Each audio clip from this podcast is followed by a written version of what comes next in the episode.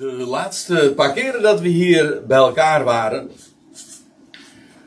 toen hebben we ons nogal diepgaand uh, bezig gehouden met geschiedenissen in, in dit geval het uh, boek Genesis.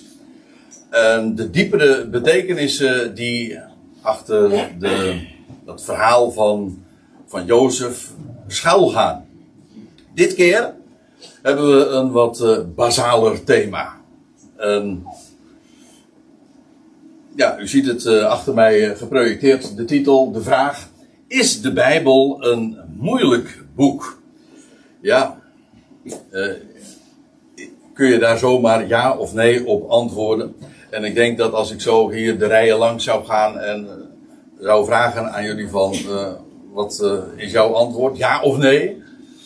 Dat de antwoorden denk ik wel wat divers zouden zijn. Nou, laat ik eerst even een paar aantekeningen bij de titel zelf mogen maken. De eerste is dat de, titel eigenlijk al niet eens juist is. De vraagstelling klopt al niet. Um, dat is dat de Bijbel helemaal geen boek is. Ik weet, het wordt wel altijd zo genoemd. Maar Bijbel, dat komt eigenlijk van het een Grieks woord biblia. En dat is het meervoud van boeken. En in feite is de Bijbel een bibliotheek. En als je even naar de woorden zelf uh, kijkt, Bijbel, bibliotheek, dan herken je ook de, de, de, in feite de Griekse achtergrond van ons woord bibliotheek, ook biblos, en dat heeft allemaal te maken met boek. Of in dit geval dan de, de meervoudsvorm. En dat is eigenlijk ook vrij logisch. De Bijbel is een hele collectie van boeken. En vandaar dus met recht een bibliotheek, waarbij ik graag altijd de aantekening maak. En ik, uh, ik weet dat er een aantal van jullie zeggen van, oh daar heb jij hem weer, dat heb ik wel eens vaker van je gehoord. Jawel, maar ik wil er graag op wijzen, want nog steeds is het zo dat de grote handboeken en encyclopedieën, uh, ondanks dat wat ik, nee sorry, daarover naar voren heb gebracht, maar het is een heel hardnekkig misverstand dat de Bijbel 66 boeken zou tellen. En nou denken sommige mensen van jij hebt wat tegen dat woord des, of uh, tegen dat getal 66. Dat klopt ook wel uh, in bepaalde opzichten. Uh, maar laten we het niet over politiek hebben.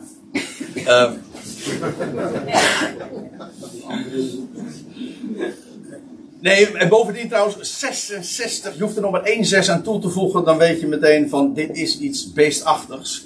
Maar het klopt ook bovendien niet de telling, iedereen, alle handboeken zeggen Bijbel, 66 boeken. Het is gewoon niet waar. Want kijk naar het boek Psalmen, dat altijd uh, als één boek wordt geteld. Maar bij de Psalmen zijn niet één boek. De Psalmen vormen een vijftal boeken. Uh, het eerste boek der Psalmen, het tweede boek der Psalmen, het derde boek, vierde, vijfde. Zodat het, het boek, de Psalmen niet één boek is, maar een, ook weer een collectie van vijf boeken uh, dus vier boeken meer. Dat betekent dat uh, bij die 66 vier boeken moeten worden bijgeteld. En dan kom je aan 70. En dat klopt dan wel weer helemaal. Ik bedoel ook niet alleen maar de telling is zuiver. Maar als we dan ook eventjes de proef op de zoom nemen en zeggen van ja, uh, typologisch zeg maar, de, de symboliek. Ja, dan zeg ik van 70 heeft is de, de, veel, het veelvoud van 7. En dat is in de Bijbel het getal van de volmaaktheid de aardigheid is dat het Hebreeuwse woord voor zeven ook het, uh, identiek is aan het woord voor volheid. Zodat uh, met Hebreeuwse oren beluisterd, begrijp je meteen inderdaad dat zeven iets met volheid te maken heeft. En ach, er zijn zoveel uh, dingen in de schepping alleen al, die al waar, waarbij we inderdaad verzamelingen van zeventallen zien. En ik heb het niet alleen over de kleuren van de regenboog, of over de dagen van de week, of over de toonladder. Uh, alles is. Uh, God werkt met zevens. Nou ja. Uh, de Bijbel is geen boek, maar een bibliotheek. Ik kom daar straks misschien nog eventjes op een andere wijze ook nog op terug. En ja, dan nog, dat is niet zozeer een, een fout, als wel. Ja, je moet dan wat specifieker, want de Bijbel is moeilijk. Ja, voor wie dan wel? Dat maakt namelijk nogal wat verschil. wat is jouw achtergrondkennis? Als jij helemaal nooit iets van de Bijbel hebt vernomen. En je kent ook de, de, oh, je, op, op de zonderschool, je kent de verhalen niet. Ik bedoel, ik, ik, had het zojuist over Jozef, over, over Abraham. Of, nou, als je niets daarvan weet en je, en, en je, je, slaat een Bijbel open, ja, dan, uh, dan wordt dat uh, over het algemeen een wat lastig verhaal. Dus ja, het, de achtergrondkennis die is zo divers. En, wat we, en het probleem in de, in de huidige tijd is dat de kennis van de Bijbel me echt hollend achteruit gaat. Het is de klacht van, uh, van velen, van vele docenten, de leraren, van dat de, de achtergrondkennis sowieso of, met rassenschreden omlaag gaat. Want ja, waarom zou je ook kennis verzamelen? Ik bedoel, je hebt toch, je hebt toch Google? maar dat hoef je helemaal niet te weten. Dat lijkt er wel een beetje de instelling te zijn. Maar in ieder geval, en ik las een keer van iemand die zei van, goh, ik had laatst nog een, nam ik een paar lifters mee in de auto. En toen kon ik over de Bijbel en toen. En die, die, die, dames die wisten niet eens wie Sodom en Gomorra waren. Ja, ja. ja dan wordt het wel heel ernstig. Ja. Dus ja.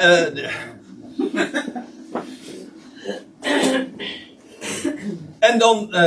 de Bijbel is in feite ook een, een, een generalisatie. Ik bedoel, dit. Het is een hele bibliotheek en uh, ja, wat is moeilijk? Niet alleen de vraag van aan wie stel je die vraag, en, maar ook over, over specifiek welke passage of welk boek heb je het. Het ene boek is nu eenmaal veel toegankelijker dan het andere boek. En dat geldt trouwens ook voor passages. Er zijn tal van passages die je zo aan iedereen kan meegeven. En die eigenlijk ook, zelfs als het heel veel diepgang heeft, dan nog is de kracht ervan voor de lezer onmiddellijk duidelijk. En uh, er zijn natuurlijk heel veel Bijbelgedeeltes die zich daarvoor lenen. De psalmen zijn bekend, uh, de spreuken, uh, maar een 1 Korinthe 13, ik noem maar wat, dwarsstraten, weet je wel. Dat zijn allemaal. dat... En hoe was het ook alweer? Mensen geven dan.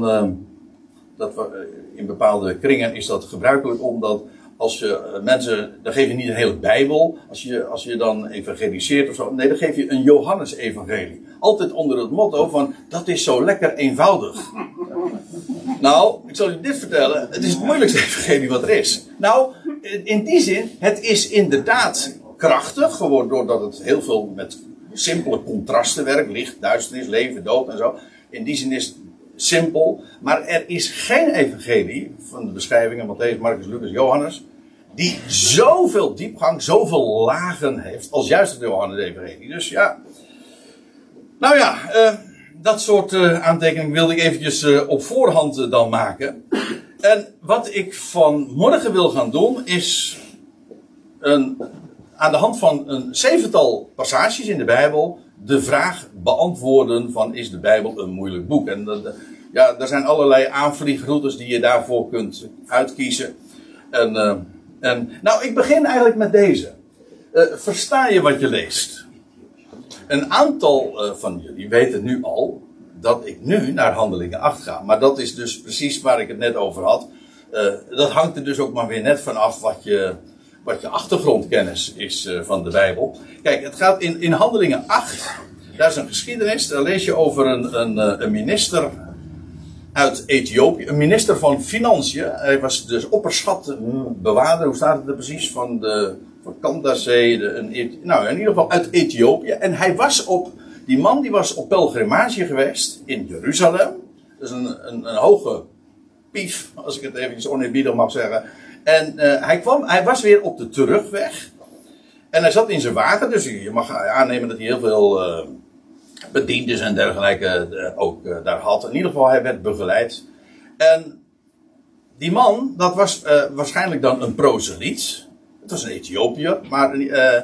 en die was in Jeruzalem geweest om te aanbidden, zo staat het er dan. En die was weer op de terugweg. En dan wordt Philippus, zijn naam wordt vaak genoemd in het, in het boek Handelingen. En dat was een evangelist. En die wordt dan door de geest geroepen, eigenlijk gestuurd om naar die man toe te gaan. Dus die en dat is daar ergens, uh, in die, die Gazastrook lees je dan. En dan, dan, dan Philippus, die staat er aan de kant van de weg. En daar komt net die, die, die, stoel, die wagen aan van die, van die minister van, finan financiën uit Ethiopië. En die, en die leest dan het boek, de boekrol van Jezaja. En, ja, en hij leest dat, hij leest dat hardop. Is eigenlijk heel grappig, maar als je, in het Hebreeuws als je lezen zegt, dan zeg je eigenlijk ook, je roept. dat is wat wij heel vaak doen, zakjes lezen dat fenomeen kennen ze niet. Als je leest, dan, dan, dan spreek je het ook uit. Hoe er ook, hij hoort die man dus lezen. Dat, gewoon die, die passage lezen. En dan, en dan, dan staat er, ja, en ik haak nu aan bij vers 30. Dus, dus eventjes de achtergrond van, van, van, van het verhaal. En dan staat en Filippus liep er snel naartoe. En hij hoorde hem de profeet Jezaja lezen. En ik kan u verklappen, dat was uit Jezaja 53, dat blijkt uit de rest van het verhaal. En dan vraagt Filippus, en hij zei: Versta jij ook wat je leest? Jezaja, een, nou, is een, uh, nogal een uitgebreid boek. Uh, maar ja, die man die leest dat. En hij stelde meteen de, de vraag to the point. Weet je, hè, begrijp je ook dat wat je leest? En dat is eigenlijk wel uh, de vraag waar we het vanmorgen over hebben. De, is de Bijbel een moeilijk boek? Ja, je, je kan hem wel lezen. En dan kunnen we ook allerlei dingen aan, uh, ja, zelfs aanspreken. Maar dat, van, ja, waar gaat dit eigenlijk over? Of in dit geval, over wie gaat het dan? Ik moet er, er, moet er ook nog even bij zeggen, Jezaja 53, dat is een profetie. We hebben het nog niet zo gek lang geleden in deze setting ook daarover gehad, een paar keer zelfs. Uh, dat is een, een profetie een voorzegging, pakweg zes eeuwen voor onze jaartelling, over uh, de Messias. Wie Israëls Messias zou zijn en dat hij verstoten en veracht zou zijn onder zijn volk en dat hij als een lam, als een lam ter slachting geleid zou worden, als een schaap dat stom is voor zijn scheerders. Nou, dat wordt beschreven.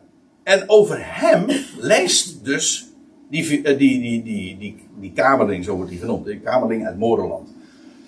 Uit Ethiopië, dus moordje zwarte, een zwarte man. Dus mag, mag je ook niet uh, zeggen.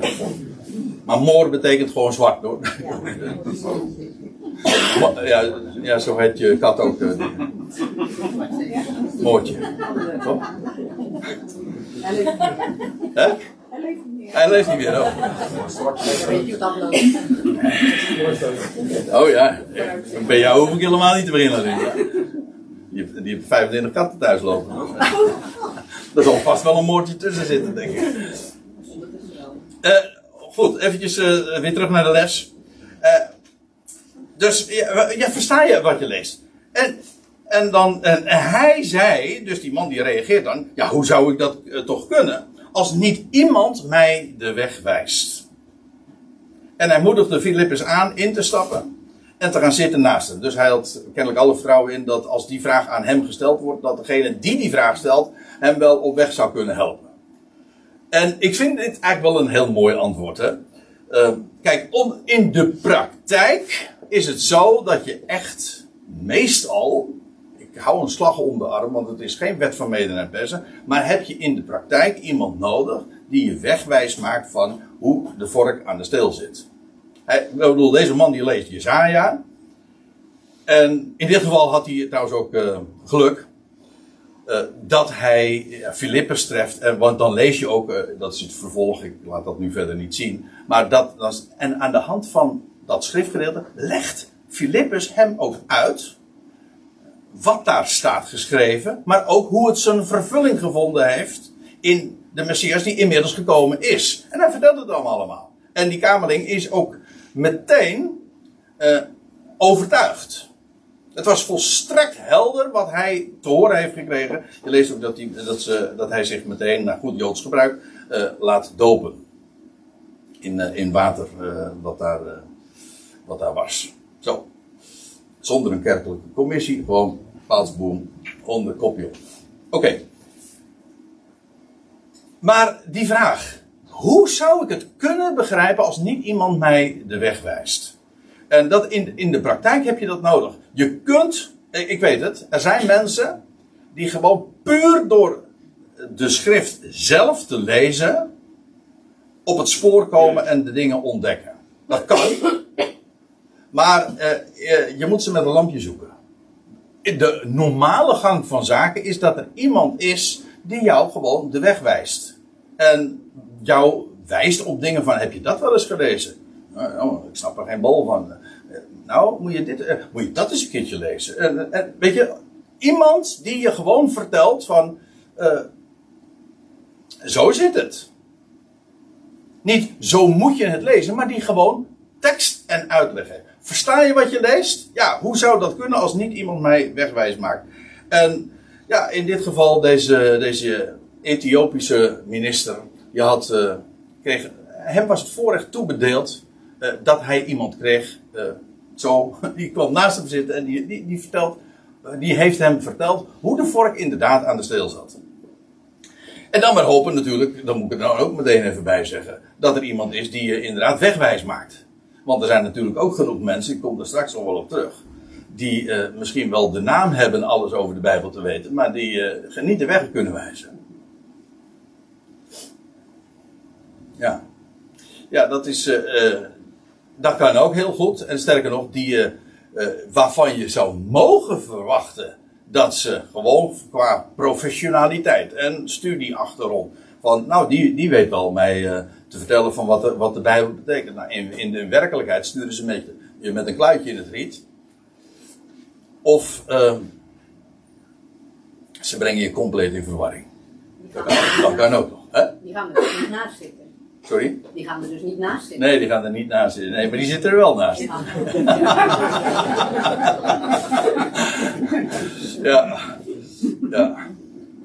Oké, okay, nou, uh, dit was een, uh, dit was een, een, eerste. En ik heb, uh, ik zei al, ik heb een zevental schriftplaatsen en dit is nummer twee. Die vind ik ook wel heel apart. Het is in betrekkelijk willekeurig volgorde dat ik zo wat, wat, wat schriftplaatsen aanwijs.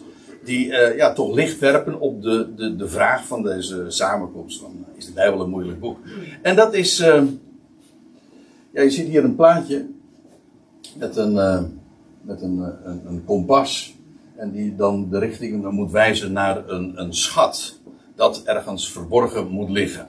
Nou, dat, dat brengt mij meteen dan op, op deze schriftplaats in Spreuken 25. En dat vind ik een, een hele mooie. Ik citeer hem graag. Uh, het is, het, er staat, het is Gods eer, of in de, letterlijk, het is Gods heerlijkheid. Het Hebreeuwse woord is trouwens uh, kaboot. Ik hoor mensen denken, hé, hey, er was iemand die heette Ikaboot. De eer, de heerlijkheid is weg. Uh, maar kaboot is trouwens letterlijk het woord voor gewicht. Eigenlijk dat wat gewicht in de schaal legt. Uh, gewichtig is. Dat is eigenlijk het, het, het de gedachte bij dat Hebreeuwse woord. Maar twee keer lees je hier over de heerlijkheid. Of eer eventueel. Het is Gods heerlijkheid een zaak te verbergen. En de heerlijkheid van koningen een zaak te onderzoeken. Dus ja, dat is een, een, een mooi voorbeeld van parallelisme. Twee zinsdelen die eigenlijk parallel aan elkaar lopen. Niet hetzelfde zeggen, maar die wel, het is in beide gevallen heerlijkheid. In het ene geval van Gods. Eigenlijk is precies, het, zijn, het is een contrast in dit geval. Het is Gods heerlijkheid een zaak te verbergen. Daarentegen is het des konings heerlijkheid, eer, om een zaak juist te onderzoeken, na te speuren, te checken, aan het licht te brengen. Ja. Nou, nog wat, want er staat hier een zaak. In beide ook weer, in heerlijkheid staat het twee keer, maar ook zaak staat er twee keer. Maar het Hebreeuwse woord daarvoor is uh, dabar. En letterlijk betekent dabar woord. Ook, maar het is een heel uh, mooi fenomeen, maar in de taal van God, want dat is wat Hebreeuws is, daar is het woord voor woord identiek aan het woord voor daad. Dat is heel lastig voor ons Nederlanders om dat duidelijk te maken, want ja, voor ons zijn er twee dingen. Maar in het Hebreeuws is dabar een woord, maar het is ook een zaak in die zin van uh, dat wat werkelijkheid wordt.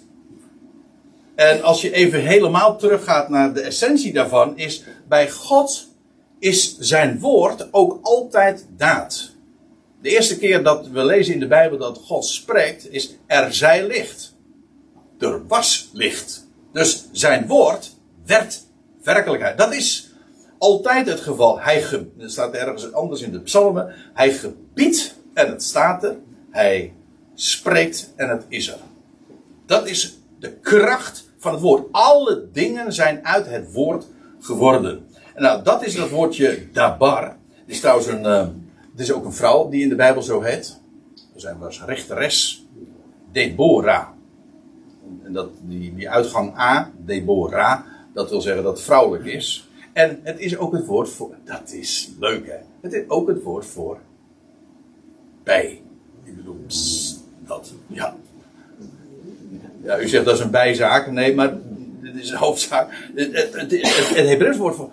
Een, maar een bij produceert honing. En honing is weer een beeld van het woord. Dus dan is de cirkel weer rond.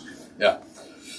Maar wat hier staat, het is Gods heerlijkheid een zaak te Veel mensen hebben kritiek op de Bijbel dan. Hè? En juist ook met, uh, vanwege dat motto van ja, ja, het heeft in het algemeen ook een beetje de reputatie. Ja, de Bijbel is moeilijk, ik snap nog geen bol van. Nee, maar dat is nu juist ook Gods heerlijkheid. Het is, het is, Gods, het is een verborgen schat, inderdaad.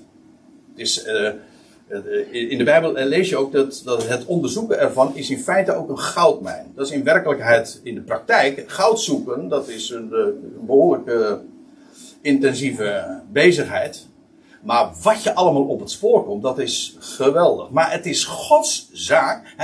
Uh, de rijkdommen die hij heeft, de schatten die hij te bieden heeft, ja, dat is niet zomaar voor het oprapen. Maar de mooiste, de grootste rijkdommen liggen inderdaad verborgen. Dat doen wij trouwens ook met schatten. Dat, een, dat zijn verborgen schatten. En God verbergt zijn woord. Ik zal u vertellen dat ook Gods woord in eh, zoveel verborgen ligt, in, alleen al in de schepping. En in, van de schepping gaat ook een geweldige sprake uit. Ik bedoel, we zijn nu in het, in het najaar, maar het hele fenomeen van de seizoenen. Hè, dat het, uh, nu is het najaar en alles gaat dood.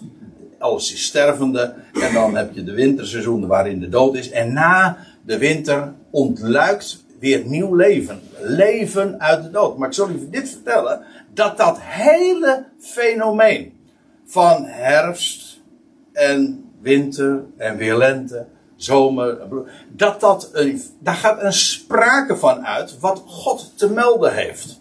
Namelijk dat de dood niet het laatste woord heeft, maar het leven triomfeert. En dat zie je in zo.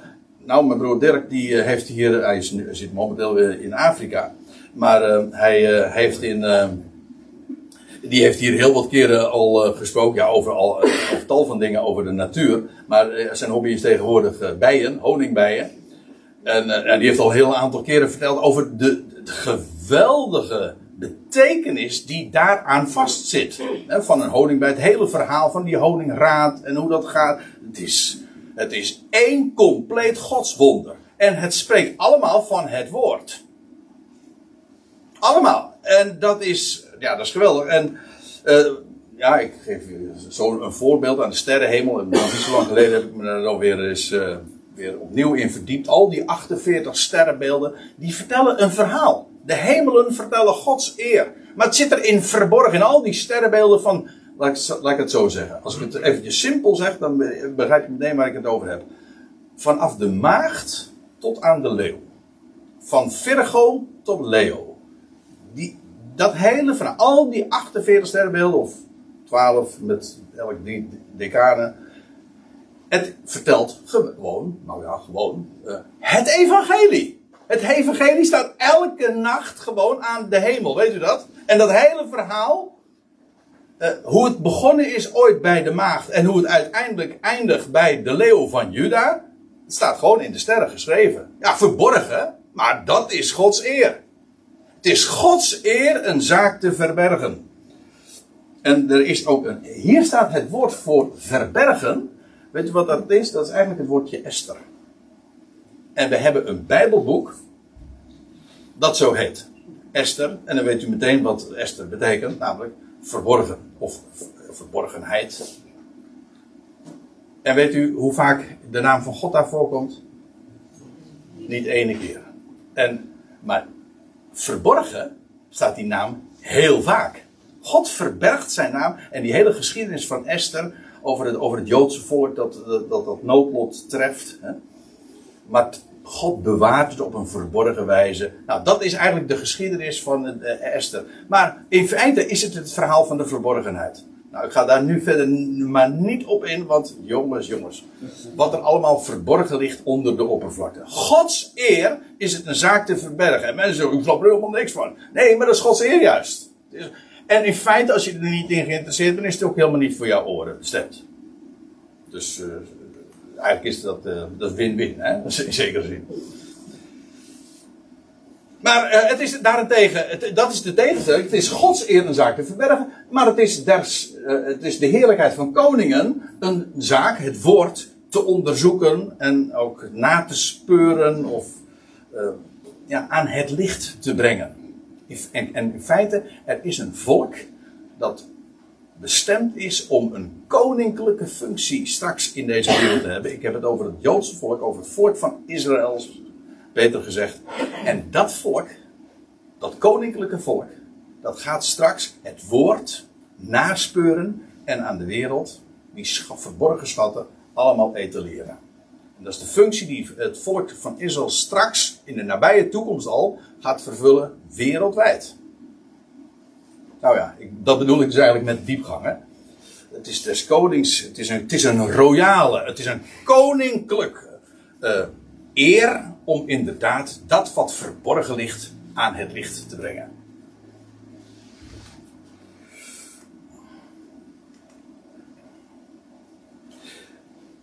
Een volgende tekst, nummer drie. Een zielsmens ontvangt niet. Ik vond het wel een aardige plaatje wat ik er eigenlijk bij, had.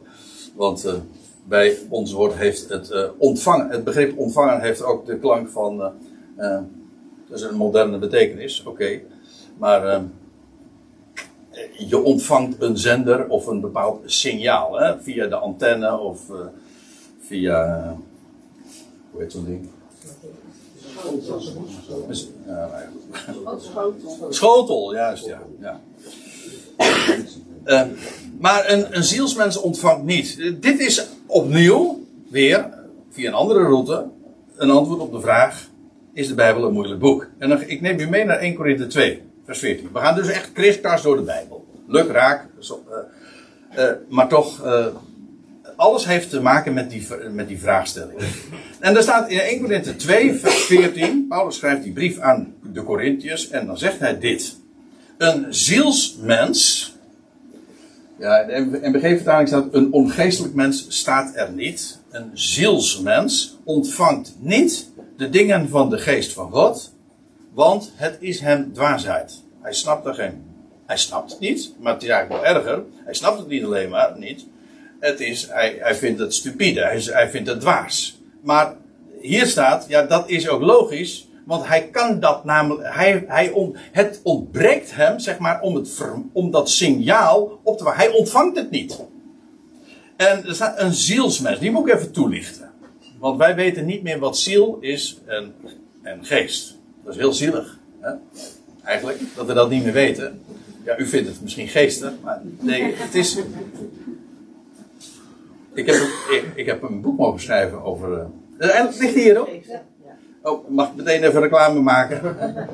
Voor belachelijk lage tarieven kunt u hier het boek en uh, brochures.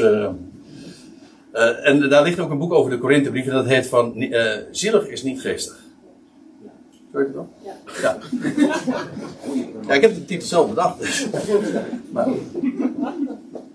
maar goed dat gaat over die betekenis van het woord ziels. Want wij, wij, wij, weten niet meer wat het is. Maar wij kennen dit woord allemaal, wat er staat in het Grieks. Psychikos. Daar herken je ons woord psyche direct in. En dat is het woord ziel. Een, een psych, psychisch betekent zielkundig. En een psycholoog is een zielkundige. Dat is eigenlijk de, de letterlijke betekenis. En de psyche, dan moet je weten vanuit de Bijbel. In de, in de Bijbel heeft de mens niet zozeer een ziel. Maar is die een ziel. En weet u, de eerste keren dat de Bijbel het woord ziel gebruikt, gaat het niet eens over een mens, maar gaat het over dieren. Die, worden, die heten levende zielen. ja, van huis uit en vanuit de traditie hebben, is ons altijd wijsgemaakt van, ja, de, wat de mens onderscheidt van het dier is dat wij een ziel hebben. Forget it, dat is niet waar. Eh, wij zijn, eh, eh, het zielse, het zielige, zo u wilt, he- hebben wij juist gemeen met de dierenwereld. En dat heeft te maken met de, met de sensaties via de zintuigen. Dat wat je, je, je, je- een plant heeft geen, eh, en is ook geen ziel, maar dieren wel. En die hebben zintuigen in wel, eh, op allerlei niveaus. En dat, dat wekt sensaties op en gevoelens. Dat is wat in feite de ziel is. En als je daarop georiënteerd bent, een zielsmens ontvangt niet de dingen van de geest van God. Ja, want de geest van God, die geest, dus in de Bijbel staat geest voor alles wat je niet kunt zien. Dus eigenlijk een verzamelbegrip. Geest is een term, bijvoorbeeld het woord geest, dat is pneuma. Kennen we trouwens ook, pneumati. Maar pneuma betekent, eh, het heeft, is dit adem is ook pneuma. De wind is ook pneuma. In dus het is een, een, heel breed begrip. En wat is nou het karakteristieke van pneuma? Is, je kunt het niet zien.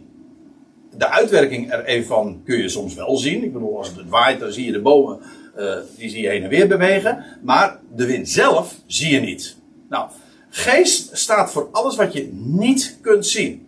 Maar nou, en dan staat hier, een zielsmens ontvangt niet de dingen van de geest van God, want het is waar, hij, kan het, hij ontvangt het niet, hij begrijpt het niet. Het zijn namelijk twee hele verschillende signalen. Het ene heeft te maken met de zintuigen en het andere heeft juist te maken met wat je niet ziet. En eigenlijk moet ik zeggen, ehm, ja, dat ziels heeft dus te maken met de oriëntatie op sensaties en voelen. Maar ge- degene die geestelijk is, er staat, hij kan het niet kennen, omdat het op een geestelijke wijze kritisch wordt beoordeeld. En nu komen we nog op een, eh, op een heel belangrijk spoor. En dat is, eh, geest heeft te maken, degene die geestelijk georiënteerd is, die wil weten wat de waarheid is.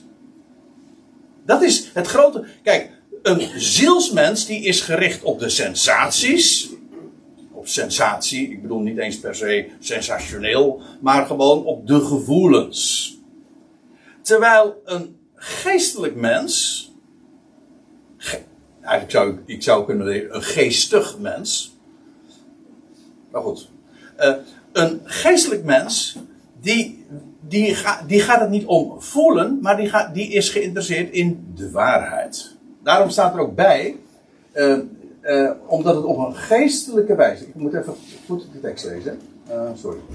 Een zielsmens ontvangt niet de dingen van de geest van God, want het is hem dwaasheid. Hij, hij, pakt dat niet. Dat kan ook. En er staat hij kan het ook niet kennen, omdat het op een geestelijke wijze kritisch wordt beoordeeld. En hier staat dus die, het woordje pneumatico's. Hè, op een, eh, eh, de zielsmens is georiënteerd de geestelijk is georiënteerd op de waarheid. Vandaar ook dat een geestelijk mens die onderzoekt de dingen kritisch. Er staat hier, ehm, in het Grieks staat er hier het woordje eh, anakrino. Anakrino betekent dus, dat is eigenlijk dus één woord, hè? dat betekent iets kritisch beoordelen. Het is een heel mooi voorbeeld. In Handelingen 17 vers 11, onthouden. Dan lees je over de Bereërs. Eh, Paulus was daar in Berea aangekomen en dan lees je van, eh, hij, hij vertelde, eh, eh, hij deed de Bijbel open en dan staat er van die Bereërs. Ze gingen, ze, onder, ze gingen dagelijks in de schriften na of die dingen inderdaad zo waren. En dan staat daar ook exact hetzelfde woord. Anakrino. Dat wil zeggen, ze gingen, ze luisterden naar wat eh, daar verteld werd. En waarom, en dan worden ze geprezen om het feit dat ze, dat, omdat ze nagingen of dat al zo was.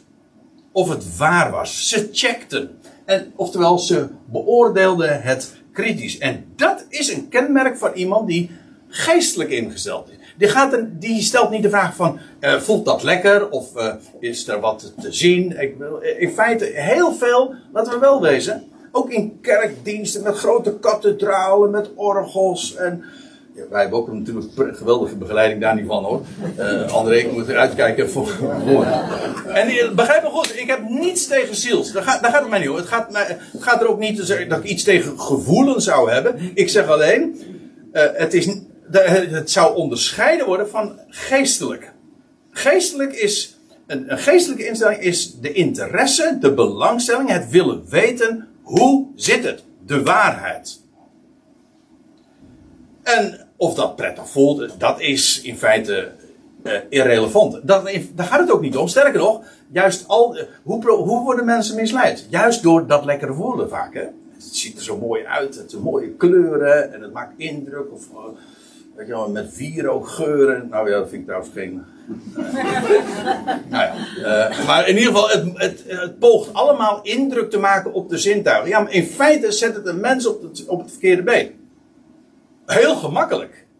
Het gaat maar één ding, om heel clean te denken. Klopt het? Is het waar? Ik vind het zo geweldig dat bijvoorbeeld Paulus ook uh, hier ook zegt van ja, geestelijk. Wij denken van geestelijk, oh, dat is iemand die, uh, weet je wel, helemaal in de zevende hemel met zijn handen in de lucht en, en helemaal blij is. Ik heb daar niets op tegen. Nogmaals. Maar dat is niet wat geestelijk is. Geestelijk is degene die checkt of waar is. En die zich dus ook niet laat overdonderen door van jij moet, want dat is ook iets hè. jij moet dat vinden, want ik zeg dat. Dat is heel sectarisch hè. Maar ook, dan laat je overdonderen van ja, maar god, dat is een instituut, dat is altijd zo gezegd, dat, zo is het. Ja, maar degene die geestelijk is, die wil weten, wacht even, dat zeg jij nou wel. Ik hoop ook dat u zo naar mij luistert. Dan zegt die andere Piet nou wel. Maar wie is andere Piet dan? Nou, dat is een hele goede. Dat nou, geen verstandig. Nee, nee, wat ik hoop dat u doet, is u luistert naar wat ik te zeggen heb. En dat u vervolgens zelf gewoon checkt of het waar is. Dat is het enige wat interessant is. is om de bonnetjes. Daarom zeg ik heel ja, de bonnetjes. Klopt het? Is het waar? En ja, ik vertel in vrijheid wat ik u te melden heb. En het is aan jullie de taak gewoon om het te checken. En wat u ermee doet, dat is volstrekt uw zaak. Of jouw zaak. Niet de mijne. En wat je ermee doet, uh, daar gaat het niet om. Ik, en ja, dat, dat is ook een hele volwassen instelling. Maar dat is geestelijk. Geestelijk is, hoe zit het? Is waar? Klopt het? Je checkt het. En ja, dan uh, moet je je niet laten misleiden door gevoelens. Is de Bijbel een moeilijk boek? Ja, maar je moet wel inderdaad geestelijk ingesteld zijn. En niet je laten leiden door gevoel en ziel. Dat, zijn, uh, dat, een, dat hele zielse en in feite in dit geval ook een zielige instelling. Want het brengt je namelijk nooit bij de geestelijke dingen. De aardigheid is trouwens dat als je geestelijk georiënteerd wordt, ja, wordt of bent, dan wordt het leven ook daadwerkelijk vreugdevol. En heel geestig. Dat, meen, dat, dat is maar geen woordgrapje, het is echt zo. ja. Dan wordt de Bijbel buitengewoon interessant, ja. De geestelijke mens echter beoordeelt kritisch alle dingen. Dat is, dat is pneumaticos. Niet psychikos. Zo leer je ook nog eens wat Grieks, hè? zo en passant. Oké, uh, nog eentje. Nummer vier. Goh, uh, ik moet uh, een beetje opschieten. zwaar om te begrijpen. Ik ga naar 2 Petrus 3 dat is het nadeel van allerlei passages. Dan moet ik iedere keer eventjes tekst uitleg geven over de, over de context, de samenhang. Maar in dit geval, dit is het einde van de brief die Petrus heeft geschreven, zijn laatste brief. En dan zegt hij, uh, ja, dan gaat het eigenlijk over de vraag uh, van, van waar, hij, hij voorzegt al in, in die dagen, de eerste eeuw, van er komt een tijd dat mensen zeggen, waar blijft de belofte van zijn komst? En dan, geeft hij en dan zegt hij van ja, dat, dat komt. De Heer die draalt niet, hij vertoeft niet. Het is niet zo van dat hij het uitgesteld heeft. Nee, het zit anders. En hij zegt: één ding moeten jullie weten: dat voor de Heer één dag is als duizend jaar. Dat is het allereerste. Als je dat weet, dan begrijp je ook waarom. Dan duurt het namelijk maar twee dagen en dat is eigenlijk toch heel kort. Ja. Oké. Maar uh, dan, uh, hij gaat dan nog uitgebreider uh, verder in op die vraag. En dan eindigt hij uiteindelijk de beantwoord, die beantwoording van, ja, van hoe dat dan zit met dat uitblijven van die terugkeer van de Heer. Dan zegt hij van nou, acht dat geduld van de Heer. Dat wil zeggen dat hij maar, dat hij maar uitblijft en dat hij niet ingrijpt. Acht het geduld van onze Heer redding. Dat wil zeggen, dat is juist waar het om gaat. En dan, hoezo? Nou, dan zegt hij, zoals ook onze geliefde broeder Paulus, naar de wijsheid die aan hem gegeven wordt, aan jullie schreef. Tussen haakjes, ik denk dat hij hier doelt op de Hebreeënbrief. Die inderdaad, Paulus heeft één brief geschreven aan de Joden, zoals Petrus ook zich adresseerde. Uh, afijn, het gaat mij nu even om het punt dat Petrus, die zegt van ja, als je wil weten hoe dat nou helemaal zit, met dat, het feit dat de Heer maar niet terugkeert, en dat het langer duurt dan dat we aanvankelijk dachten, dat, hij zegt, dan moet je wezen bij Paulus. Hij zegt, want die heeft uh, ook aan jullie daarover geschreven. En dan zegt hij in vers 16, zoals ook in al de brieven waarin hij over deze dingen schrijft. Dat is eigenlijk een van de hoofdonderwerpen van de apostel Paulus. En dan zegt hij erbij, daarin zijn sommige dingen zwaar te begrijpen. Moet je nagaan, Petrus. En die zegt over de brieven van Paulus, eh, hij, zegt er diverse dingen over, maar zijn persoonlijke belevingen, ja, die Paulus, hij is wel lastig hoor. Of nou lastig, ik bedoel moeilijk, lastig te verstaan. Moeilijk te begrijpen. Zwaar om te verstaan. En ja, dat. Uh, Petrus heeft, uh, dat weten we ook uit de Bijbel, heeft verschillende keren moeite gehad met, met, met Paulus. Maar aan het eind van zijn leven geeft hij hem volledig alle credits. Hij zei van ja, als je wil weten hoe het echt zit, moet je bij hem wezen. Maar dat heeft er ook alles mee te maken dat Paulus wist bepaalde dingen die Petrus niet wist. Paulus is later ook geroepen door Petrus. Petrus en, en, en aan Paulus zijn geheimen bekendgemaakt waar, waar die andere, de twaalf van Petrus, geen notie van hadden. Ja, en in zekere zin was het ook een, een, het was een update, maar feitelijk ook een hele nieuwe gang van zaken die Paulus inluidde. Nou, dat is, uh, hoe zeggen ze dat, it takes years to om dit duidelijk te maken. Maar dat is, het is een heel uitgebreid onderwerp wat ik nu ter sprake breng. Maar het gaat hierom. En dat is dat Paulus, dat, ja, Paulus die wist dingen. En Petrus, met alles wat hij, wat hij wist en te melden had, had moeite met Paulus. Ja, dat was namelijk, hij, had een andere bediening. En een andere taak. Hij kreeg ook, hij, aan hem zijn ook andere dingen bekendgemaakt. En dat was een hele, ja, hoe moet je dat zeggen? Uh, uh, dat was een hele reset. nee, dat is niet het goede woord, maar. Reset. Hè? nou ja, het, het was voor hem Ehm, hij moest op zoveel fronten moest hij helemaal gaan omdenken. Door, vanwege die boodschap van Paulus. Hij heeft de waarheid ervan onderkend, maar hij heeft het heeft hem jaren gekost om uh, zich daar vertrouwd mee te maken en om het te verstaan. En nu aan het eind van zijn leven daar moet je wezen. Maar hij geeft er eigenlijk al de, min of meer de disclaimer van ja, het is wel verrekte lastig om soms te begrijpen. Maar ja, zo gaat dat. Je moet ook niet alles in de Bijbel mixen. als je wil weten, dus de, dat geef ik dan als laatste tip in dit verband dan even mee. Als je wil weten hoe het zit, vandaag moet je bepalen, uh, wezen. Dus mensen vragen wel eens, waar moet ik nou beginnen in de Bijbel? Begin bij de brieven van Paulus. Dan moet je wezen. Ik bedoel, de hele Bijbel is voor ons. Maar als je echt wil weten in verband met deze tijd, moet je bij de eerst beginnen bij Paulus. Hij is de apostel van de natie. Voor ons. Voor mij, u en mij. Oké. Ja, hij zegt er trouwens nog bij. Ja, daarin zijn sommige dingen zwaar te begrijpen. Wat de onkundigen en labielen. Degenen die niet zo stabiel dus uh, staan. Die, die zullen dat verdraaien. Zoals trouwens zegt hij erbij ook de overige tot hun eigen ondergang. Zo gaat dat. Hè, want uiteindelijk, het is gebrek. Dat is altijd wat je ziet gebrek aan kennis van zaken, ik bedoel in dit geval ook over de schrift, ja, dat is een bron van misverstanden en vaak ook daarmee onbegrip, valse beschuldigingen. Oh, dat, uh, dat, is uh, dat zijn tegenstrijdigheden in de Bijbel. Ik zal u dit vertellen, als mensen daarover beginnen, ik had juist gisteravond nog even een gesprek over, al, die tegenstrijdigheden in de Bijbel. Degene die dat tegen me zei van Hij zei, ja, ik, ik ken de Bijbel niet hoor, maar, hij maar er zijn zoveel tegenstrijdigheden in.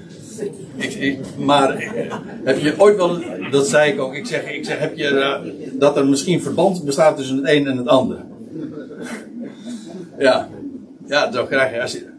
En, dat, dat, klinkt misschien wat vlak, maar het is gewoon zo. Je moet weten hoe, het, uh, je moet weten hoe het zit. En je moet ook de, de dingen onderscheiden. Dus, dus, het woord der waarheid recht snijden. Je moet, je moet dat niet allemaal door elkaar gaan husselen. Want dan krijg je ja, gewoon potpourri en dat is. Uh, en je snapt er heel. Dan krijg je dus met recht verwarring. Hè? Dan gaan de dingen door elkaar lopen. En er is één iemand die daar heel knap in is. En die heeft zijn naam daar zelfs aan ontleend. En die heet Diabolos. En Diabolos, dat is ons woord duivel. Maar dat betekent letterlijk degene, Diabolos, degene die de dingen dooreenwerpt. Dat is, dat, is, dat is zijn professie. Daar is hij buitengewoon goed in. Ja. En hij is een theoloog, moet ik er ook nog bij zeggen. Het eerste wat we weten van de Diabolos is wat hij doet. God heeft zeker wel gezegd dat. Hij praat over de dingen die God gezegd heeft. Ja, over. Hij zegt niet wat God gezegd heeft, maar hij praat over wat God gezegd heeft. Groot verschil. Oké. Ja. Dus ja, je moet weten waar je het over hebt. Dan heb ik er nog één. Geen eigen uitlegging. Daar staat in, dat is diezelfde brief waar ik het net over had. Maar nu een hoofdstuk, twee hoofdstukken eerder, 2 Petrus 1. En dan zegt Petrus dit. Hij vertelt over zijn ervaring die hij ooit heeft gehad op de berg van de verheerlijking. En dan zegt hij van ja, heeft hij zulke geweldige dingen. Hij is ooggetuige daarvan geweest. Samen met eh, Johannes en uh, Jacobus. En dan zegt hij in vers 19 van 2 Petrus 1. En wij hebben het profetisch woord des te vaster. Dat wil zeggen, het is bevestigd. Um, en jullie doen wel daarop acht te geven als op een lamp die schijnt in een troebele plaats. Ja, dat is eigenlijk wat het woord is. Wij hebben het profetische woord, de schriften, Profetie betekent letterlijk ook trouwens voorzegging. En, en als je wil weten hoe de, hoe de, de vork aan de steel zit en, en goddelijk licht wil hebben. Ik bedoel, mensen voorspellen, maar God voorzegt. En dat is vast, het is een kompas. En wij doen wel daarop achter geven, want het is een lamp die schijnt in een troebele plaats. Deze wereld is een troebele plaats, want uh, je ziet de dingen niet scherp. En, uh, en voor zover je het ziet, worden, dan helpen anderen je wel, uh, zeg maar met een, met een kluitje in het riet en zo, zulke dingen. Maar we doen wel er acht op te geven. En dan zegt hij dit bij. Dit eerst wetende, dus als je nou acht geeft op dat profetisch woord, hij zegt, weet dan dit, dat geen profetie der schrift zijn eigen uitlegging voortbrengt. Die, dan moet je even, als je het hele verband bekijkt, dan is, wordt het meteen simpel. Hoewel de tekst zelf eigenlijk ook wel duidelijk is. Geen profetie van de schrift. Dus je hebt uh, allerlei voorzeggingen in de schrift. Ja, en dan nou zegt Petrus, je moet eerst dit weten. Als je het wil verstaan. Dat die profetieën, dat één zo'n profetie van de schrift, niet zichzelf uitlegt. Hoe komt dat? Nou, het is heel simpel. Profetieën liggen, leggen elkaar uit. De ene profetie van de schrift legt de andere profetie van de schrift uit. En dit is een mooi fenomeen, want ik had het in het begin over de Bijbel, dat een bibliotheek, die, die een bibliotheek is. Ja, maar het geweldige, het zijn, het zijn allemaal boeken.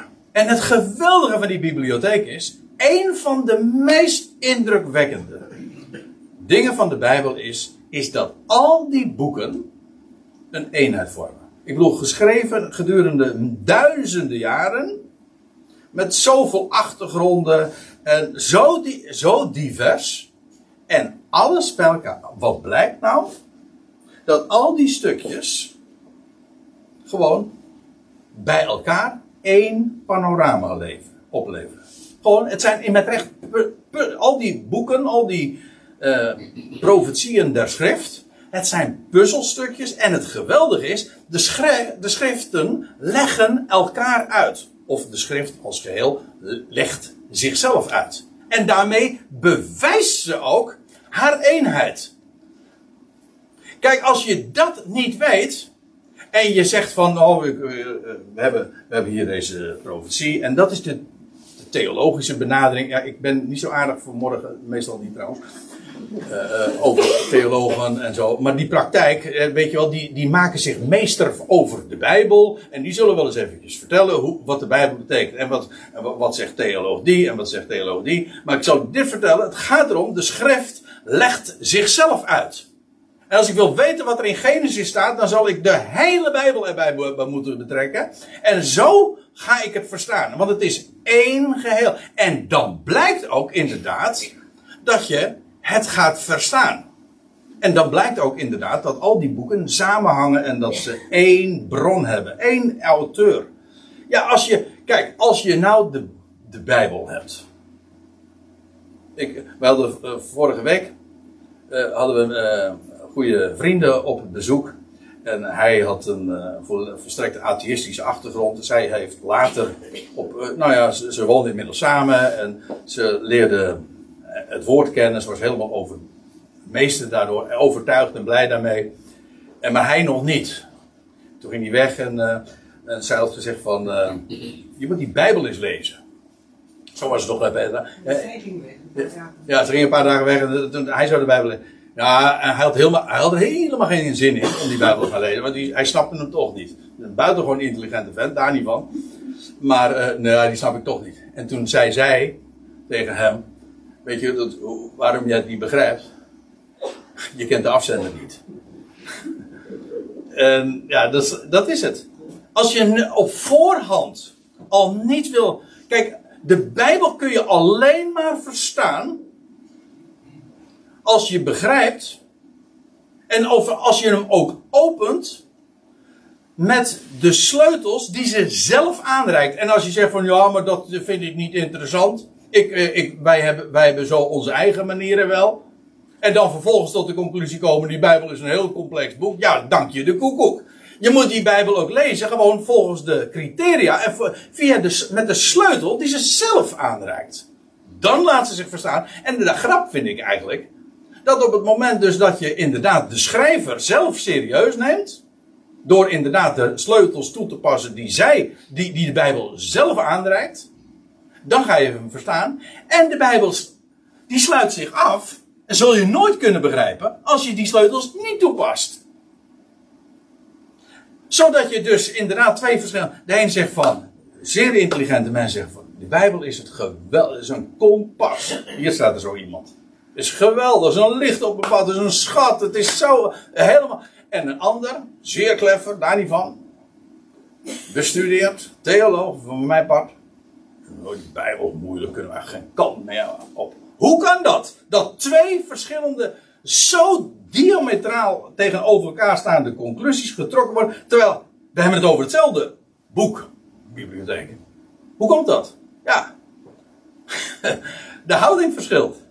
De benadering verschilt. Neem je de schrijver serieus of niet? Op voorhand. Ja, als je dat niet doet, dan zul je het nooit verstaan. Lievere koekjes, worden niet gebakken.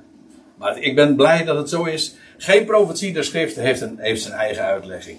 De schrift bewijst en verklaart zichzelf. Heb ik er nog één, ik kan er echt zo schieten. Uh, voor wijze en verstandige verborgen. Ja, hebben we hem toch nog, uh, Rob, die... Uh, de, ja. We hadden het voor de samenkomst eventjes over paarden en over ezels. Uh, eh, ja, je leest in Matthäus 11, uh, eh, in die, dat, ik lees het meteen maar even voor. In die periode antwoordde Jezus en zei, en hij heft zijn ogen op naar boven en zegt, ik juich u toe, o Vader, uh, Heer van hemel en aarde, dat u deze dingen verbergt voor wijze en verstandig. U moet weten, hij was daar net in, in Capernaum en zo was hij in de synagoge actief geweest. En hij kreeg eigenlijk van, vanuit de geestelijke leiding zoveel verzet ze moesten eigenlijk niks van hem hebben. De, theologen van zijn dagen moesten niks van hem hebben. En wat zegt de Heer Jezus? Dan zou je zeggen van, goh, als hij dan zo, uh, daar zo actief mee bezig is en iedere keer zeg maar uh, eruit gekikt worden uit de synagoges en zo. En dan zou je zeggen, van, dan word je ook wel uh, dan word je heel gefrustreerd van. Nee. Hij zegt, hij, hij zegt juichen toe, o vader. Heer van hemel en aarde, dat u deze dingen verbergt voor wijze en verstandigen. Ik ben, hij, hij is blij, hij dankt God dat die wijzen en verstandigen, mensen die dus professioneel geacht worden te het te weten, die besnappen er geen bol. En, God, en, en de Jezus, hij dankt zijn God voor uh, dat feit. Hij zegt van, ik dank u dat, het, dat u het zo geregeld hebt. Dat het niet is voor degene die zeg maar met hun, al hun vermogens en capaciteiten en titels en dergelijke op hun tenen staan en, en, het begrijpen. Nee, niet. En weet je hoe het wel zit? Nou, het staat erbij. En u, uh, dat u de, deze dingen, gewoon de, het woord, uh, dat u ze verbergt voor wijze en verstandigen, maar onthult aan onmondigen, aan kindertjes, hè? aan kinderkens. Ja, een kind. Een kind die dus nog helemaal nog niks weet, nog niks pretendeert, heeft nog heel. Nee, maar wel uh, die geïnteresseerd is. Uh, de, houding van een kind die is geïnteresseerd en die luistert naar zijn vader. Die wijze en verstandigen, die uh, in dit geval ook die theologen, die wisten het allemaal en ze hadden hun tradities en ze hadden. En er waren zoveel boeken allemaal geschreven en daar, altijd waren het de tradities die hen ervan weerhielden om het, de schriften werkelijk te verstaan. En ik zal u vertellen, nu zijn we 2000 jaar verder en dus nog steeds hetzelfde liedje. Er is niets wat een mens zo verblindt en verhindert als juist traditie. Dus dan moet je gewoon weer helemaal fris van voren aan beginnen en zeggen: we gooien alles weg wat, wat afgesproken is, dat tradities en dergelijke. Interessant, mooi, leuk om kennis van te nemen, maar het zegt niks. Het gaat om de schrift. En als je die houding hebt, wat je dan allemaal te horen krijgt. En dan ben je misschien geen wijze en verstandige in de ogen van de wereld. Je bent een heel simpel iemand. Prijs God. Want hij maakt het jou bekend. Zo, zo werkt het echt. U onthult het aan onmondige, ja vader, want zo werd het een welbagen voor u. Zo wil hij dat. God heeft er een plezier in om het op die manier te verbergen voor al die mensen die die knappe koppen en zo. Maar hij vertelt het. Hij vertelt zijn geheimen. Aan degene die hem zoeken. Nou, dan heb ik de laatste. Dus nummer 7. U begrijpt hem. Er zit typologie achter. De opening van die woorden. Daar kan ik kort over zijn. Uh, er staat in, uh, uit de psalmen. Psalm 119. Die hele lange psalm is dat. En daar staat dit. Eigenlijk is dat een antwoord ook wel op de vraag. De opening van uw woorden geeft licht begripgevend aan eenvoudigen. Wat een. Uh, ja, eigenlijk is dit een constatering. Op het moment dat het woord geopend wordt, is het woord opening, is hetzelfde woord wat ook gebruikt wordt voor, uh, voor het openen van een deur met behulp van sleutels. Die, dat, woord, dat is de schriften, ja, dat is een schatkamer. Maar die is alleen maar toegankelijk als je de sleutel hebt.